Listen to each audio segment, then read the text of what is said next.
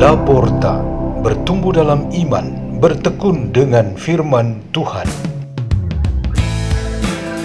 Radio Laporta, pintu terbuka bagimu untuk pertumbuhan pengetahuan dan kebijaksanaan tentang Allah.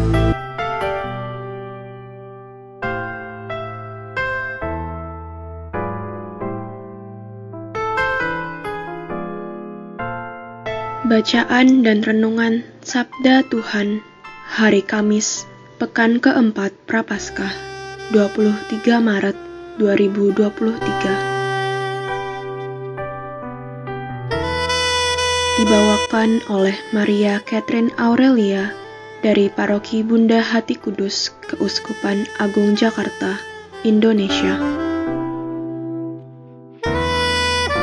Inilah Injil Suci menurut Yohanes bab 5 ayat 31 sampai dengan 47.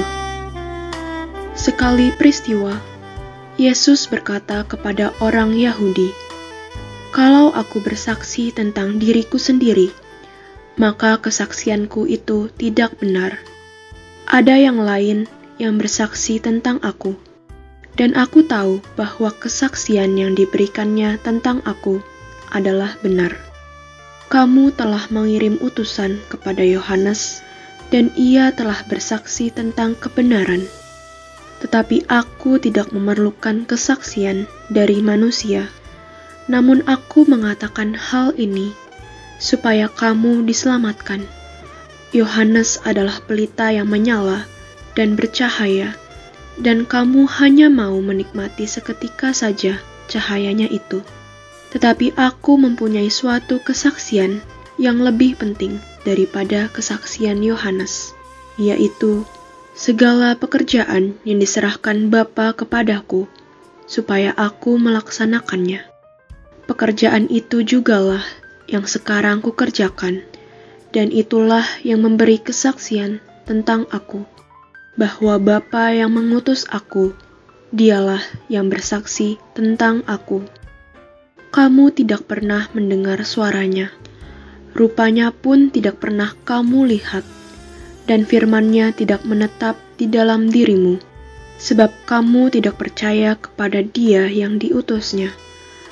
Kamu menyelidiki kitab-kitab suci, sebab kamu menyangka bahwa olehnya kamu mempunyai hidup yang kekal. Tetapi, walaupun kitab-kitab suci itu memberikan kesaksian tentang aku, kamu tetap tidak mau datang kepada aku untuk memperoleh hidup itu. Aku tidak memerlukan hormat dari manusia, tetapi tentang kamu, memang aku tahu bahwa di dalam hatimu kamu tidak mempunyai kasih akan Allah.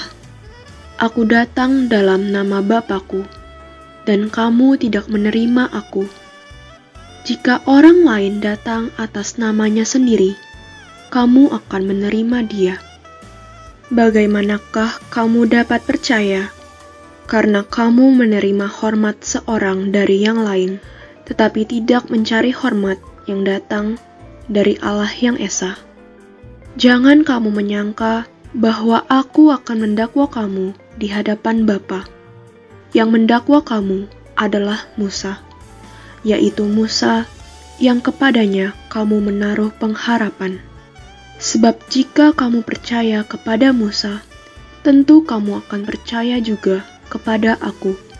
Sebab Musa telah menulis tentang aku. Tetapi jika kamu tidak percaya akan apa yang ditulis oleh Musa, bagaimanakah kamu akan percaya akan apa yang aku katakan?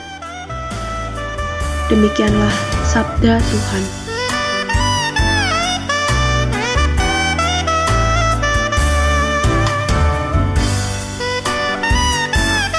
Renungan kita pada hari ini bertema pekerjaan memberikan kesaksian.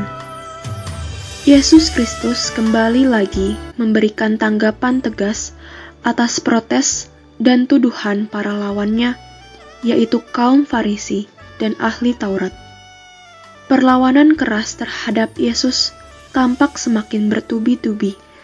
Ini sebagai bentuk antisipasi pengalaman puncak penderitaan saat hukuman mati dan wafat disalib pada hari Jumat Agung.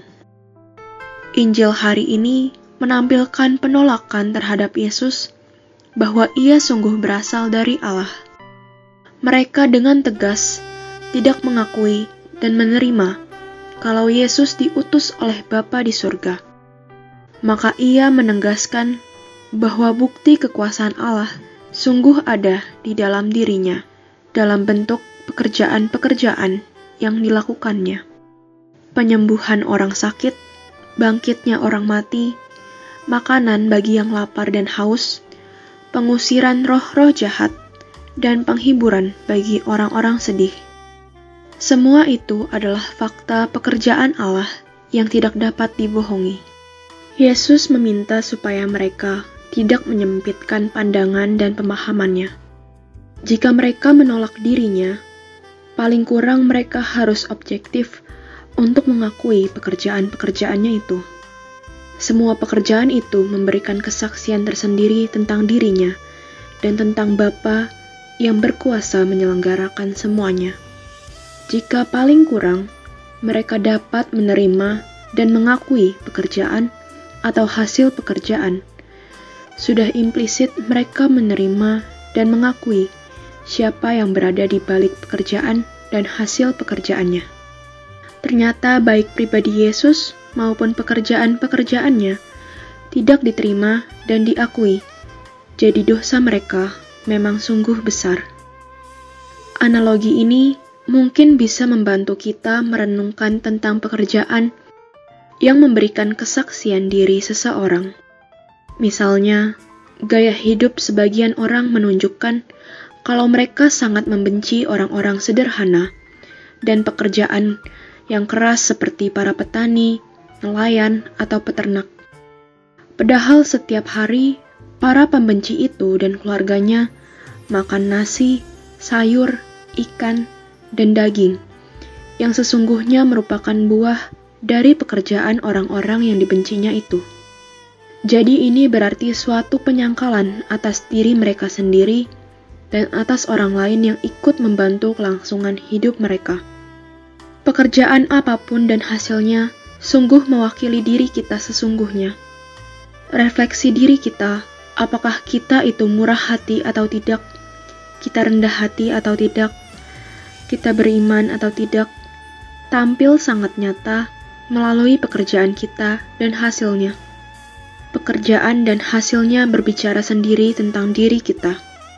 Setiap orang menghadirkan semua itu untuk dialami dan dinikmati orang-orang di sekelilingnya. Tapi syarat dasarnya ialah supaya kita saling menerima dan mengakui sesama kita melalui pekerjaan dan hasil kerjanya masing-masing. Marilah kita berdoa dalam nama Bapa dan Putra dan Roh Kudus. Amin. Bapa yang Maha Murah, terima kasih atas berkat-Mu sehingga kami dapat bekerja sesuai panggilan kami masing-masing dan hasilnya untuk hidup kami bersama. Salam Maria penuh rahmat, Tuhan sertamu. Terpujilah engkau di antara wanita, dan terpujilah buah tubuhmu Yesus. Santa Maria Bunda Allah, doakanlah kami yang berdosa ini, sekarang dan waktu kami mati. Amin.